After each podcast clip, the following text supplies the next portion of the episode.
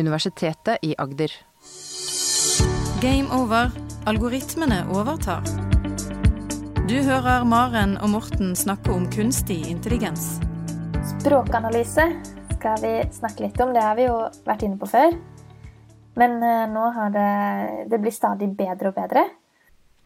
Språk er jo det viktigste for oss mennesker, for en av de viktigste. Noe som skiller oss fra resten av dyreverden. Men kanskje også skiller oss fra den kunstige intelligensen. For det kunstig intelligens er rett og slett eh, dårlig på språk. God på bilder, men dårligere på språk. Men så skjer det da innovasjoner hele tiden. Eh, og her er jo det, denne kambriske eksplosjonen. Altså det skjer mye modeller hele, hele, hele tiden som blir, som blir bedre og bedre. Og det vi tenkte å snakke om i dag, er disse gigantiske språkmodellene. Det finnes mange måter å bruke språk i kunstig intelligens på, og disse gigantiske språkmodellene er eh, ment for alt mulig i språk. Altså alt fra teksting til samtaler til å gjøre sammendrag av tekst. Hva du kan tenke deg i språk, så er disse språkmodellene veien ut. Og nå er det en som heter Julian Simon, som har gått ut og sagt at eh, det er en ny type Moores lov eh, som gjelder antall parametere, kompleksiteten, hvor store disse modellene er. Da må Her du litt- fortelle um, om Moores lov først. Ja, det må forklare litt. Ja, du må ta en kjapp runde på det. Så Moore var en eh, eh, forsker på 1960-tallet, Gordon Moore, som så at datamaskinene stadig ble raskere på 1960-tallet. Da, Datamaskinen jeg kjøper nå, er dobbelt så rask som den var i fjor, og som er dobbelt så rask som den som var før der igjen. Og så sa han i 1965 at eh, jeg lager nå en lov eh, som er at hvert tolvte måned så vil antall transistorer, altså antall utregninger egentlig en sånn eh, CPU, prosessor i datamaskinen kan gjøre, eller andre biter av datamaskinen, den dobler seg hvert tolvte år. Det er hvert tolvte måned. Eh, Og så justerte han den loven litt eh, senere i 1975, sa at eh, hver 24. måned, altså annethvert år, så vil antall transistorer i datamaskinen eh, doble seg. En annen måte å si det på er at annethvert år så blir datamaskinen din dobbelt så rask. Mm. Så datamaskinen jeg kjøper nå, er dobbelt rask for en som for to år siden, som er dobbelt rask for en som for to år siden.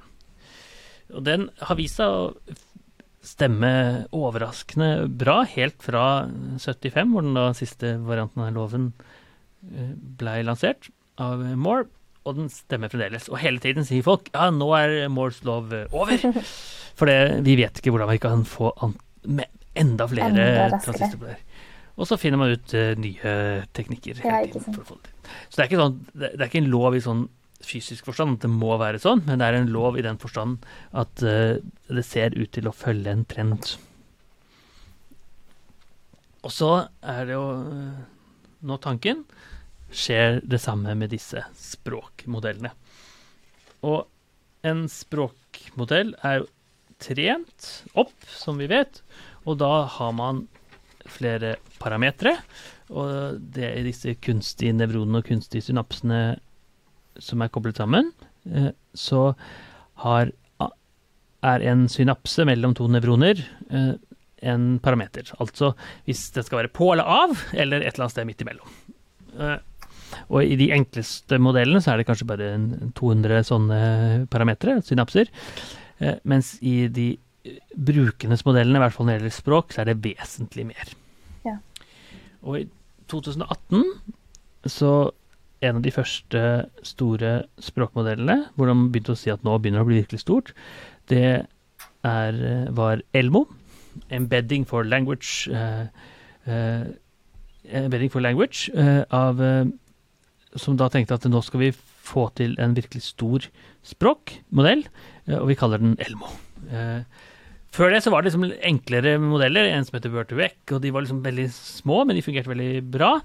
Og så kom Elmo med 94 millioner slike barometer i, i 2018. Så da begynner folk å si ja, dette begynner å bli stort. Kanskje liksom, Hvorfor er det så stort? Senere samme år, 2018, så kom Google med Bert, som også er en sånn C-sensasjon-type karakter. Det er de etterlignende C-sensasjon her, med 340 millioner parametere. Altså allerede da har den med eh, nesten i hvert fall mer enn tredobla seg. Og det var Google som kom med det. 2019, året etter, så kom en videreføring av Burt. Det er mange forskjellige sånn videreføringer av Burt, til og med en norsk variant. Men der kom det en som heter Roberta, som er da Robustly Optimized Burt Approach av Facebook-gruppen. Og de hadde 125 millioner eh, parametere. Og så kom Nvidia med noe de kalte Megatron, eh, som er oppkalt etter en av de store transformersene, med 8300 millioner parametere. Altså 8,3 milliarder. Det er jo helt vilt. Så da begynner det å bli Da er det Om du tenker at 94 millioner er stort, så er 8,3 millioner veldig mye større. ja. Uh, og det er forskjellige varianter av disse megatronene. Og uh, Men så er den mest eh, kjente som kom etterpå, er fra OpenAI, som på slutten av 2019 kom med det som kalles GPT2. General Pre-Trained Transformer, GPT2, med 1,5 eh, milliarder parametere. Ja, skal se om jeg bare passer på at jeg har tall, tallene riktig hode her. Ja. Eh, og GPT3, som kommer da året etter, 2020, med 175 eh, milliarder parametere. Det er jo så store tall at jeg klarer ikke å forestille meg mengden. Det eneste man hører sånne store tall, er sånn i statsbudsjettet. Men det er, så, det er så store at man klarer ikke å tenke, tenke det. Og på slutten av 2021 så kom Microsoft i samarbeid med Nvidia eh, med noe som kalles Megatron. Turing-modellen. Og den har 530 milliarder parametere. Eh, Nvidia hadde flere sånn Turing-modeller før, som var litt mindre, men Megaton Turing er jo da en av de største. Eh, det er den største vestlige modellen Eh, der ute.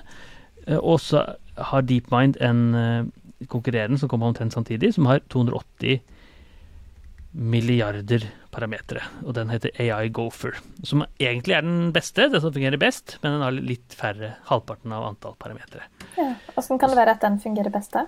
Ja, det er litt, litt annen struktur. Så en av de Det som skjer i Microsoft sin modell, er at den har en rekke parametere, men bare få av de blir brukt. Så ja. du kan tenke det litt som at du har eh, masse muligheter Det er liksom kobling mellom alle cellene til alle cellene alt, alltid. Og så bruker du bare eh, la oss si 10 av de. Men eh, riktignok eh, må du lære seg hvilke 10 som skal brukes. Så det er jo som er tricky å vite det. Så det er ikke i seg selv Det er ikke bare det som Nå skal jeg bare lage dobbelt så stort nettverk, og så funker det. Det må metodiske verk til.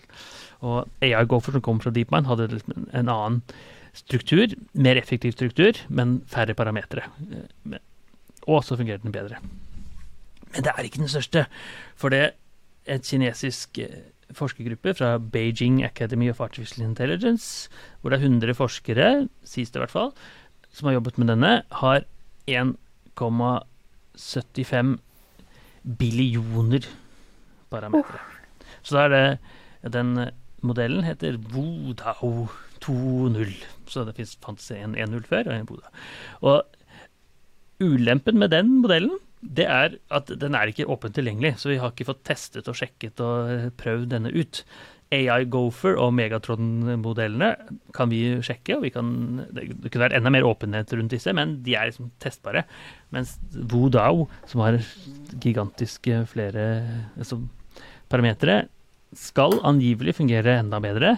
Men den har ikke fulgt helt de store metodiske eh, grepene som, som, skal til for å, at, det skal være, eh, at det skal passe inn i den etablerte forskningsverden. Ja. Og da er spørsmålet blir den bedre med, med disse mer og flere og flere parameterne? Og svaret er ja, selvsagt blir den det.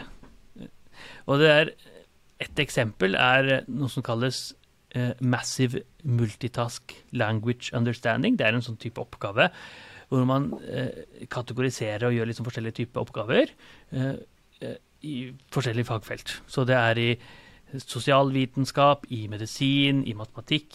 Og så kan man spørre den kunstige intelligensen en rekke typer spørsmål, og så skal den svare. Og hvis den svarer fornuftig, så er det bra. Hvis den svarer feil, så er det dårlig.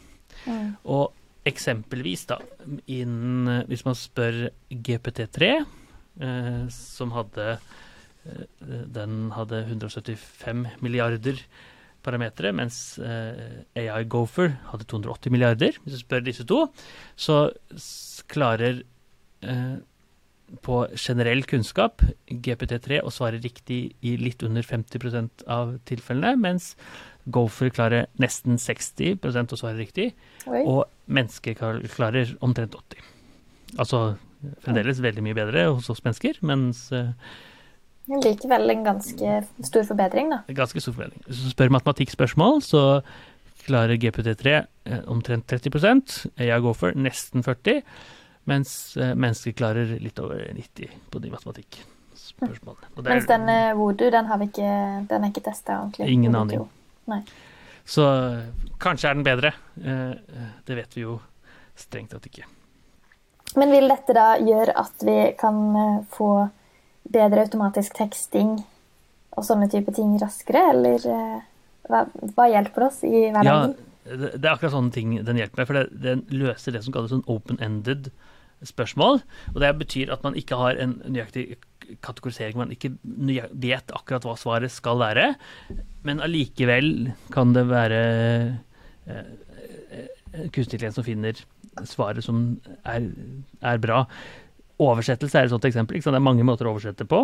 Teksting er liksom sånn kan, Du kan tekste det sånn, du kan sånn fjerne den komma der. Du kan Kanskje skal ha eh, fjerne e, som man sier når man har mye podkaster og sånt.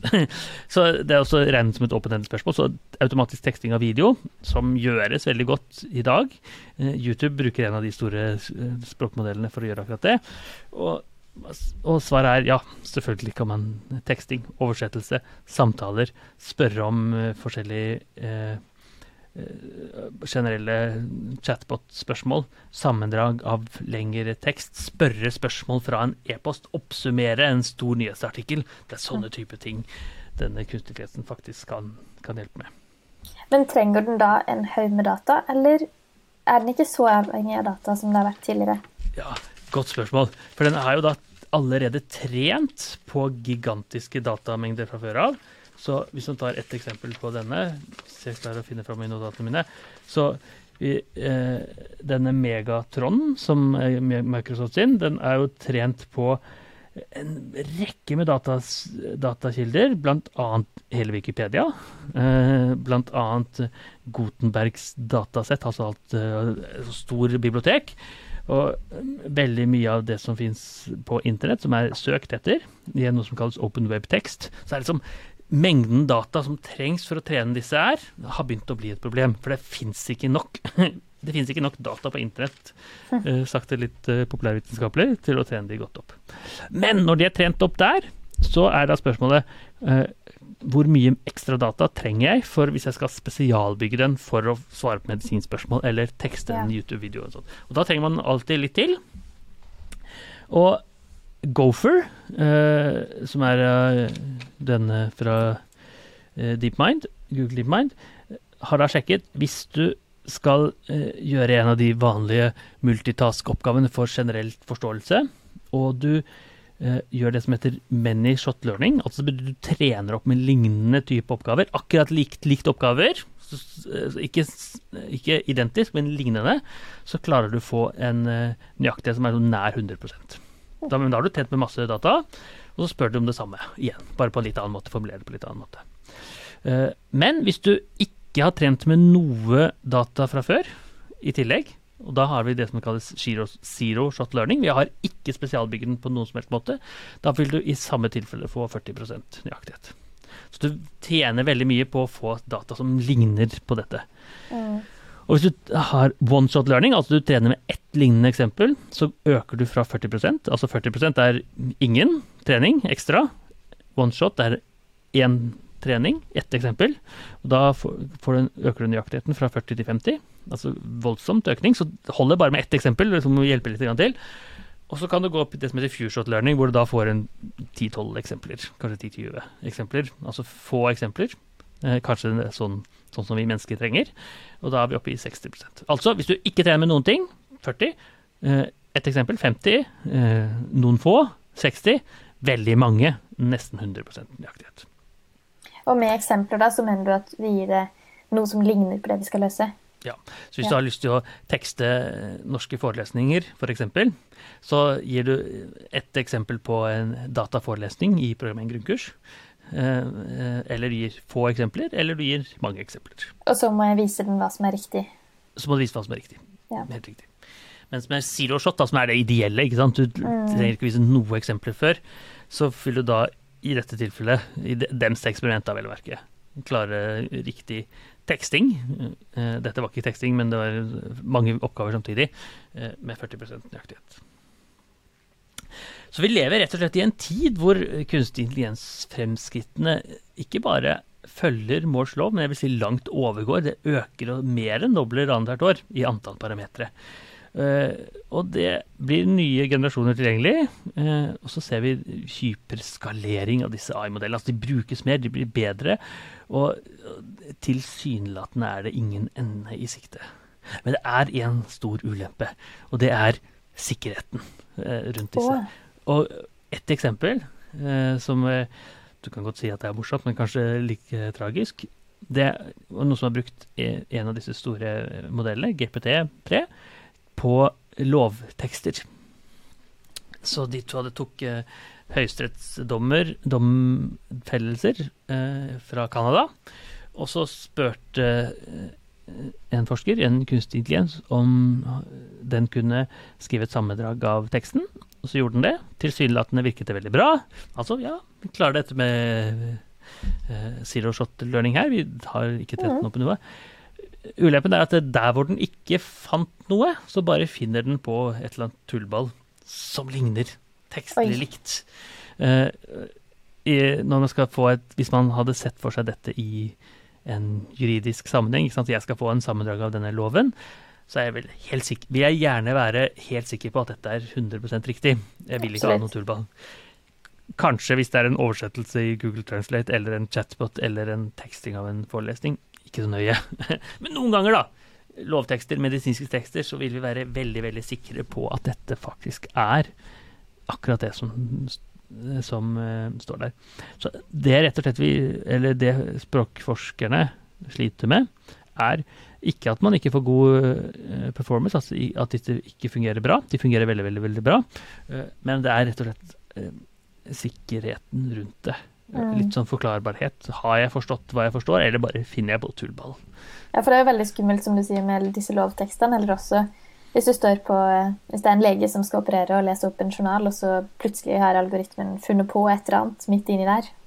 Det er jo eh, ganske kritisk. Ja, absolutt. Eh, så det, er, det gjør jo da at eh, f.eks. i medisinsk behandling, lese store journaler så er ikke den type forskning uh, tilgjengelig Nei. i dag. Så det, det, det, man jobber med, er selvfølgelig å få disse enda bedre. For det 40 og 60 og prosent er ikke like godt som oss mennesker, men det er på vei oppover. Også i tillegg at vi kanskje unngår den usikkerheten, den mangel på kontroll, når vi får disse modellene som er veldig bra, eh, men som ikke ikke snakker sant, kan du si. Det er litt menneskelig òg, da. Jeg finner ikke svaret, så nå bare lyver jeg litt. Ja, ja. så kanskje man kunne gjort det på muntlig eksamen, ikke sant? og det er fint. Men, eh, for da kan man jo tippe riktig. Men mm -hmm. i andre tilfeller kanskje ikke. Så er det ganske kritisk. Så da er disse språkmodellene kan man teste, så lytterne som har lyst, de kan bare søke seg ute og finner mange av de eh, på mange ulike nettsider. Eh, hvis de skal søke seg til det. Så blir det spennende å se da, om de fortsetter å dobles og triples i kapasitet Jeg tipper at vi har en, tipper at vi har en podkast eh, som har samme tittel om et år, hvor de har doblet seg og triplet seg og kvadruplet seg. mange ganger. Det blir spennende å se. Da ses vi igjen. Men vi ses igjen før neste år. Ikke sant? Men akkurat Det gjør vi. Du hører Maren og Morten snakke om kunstig intelligens. Har du spørsmål til Maren og Morten, send en e-post til gameover.alfakrølluia.no. Universitetet i Agder.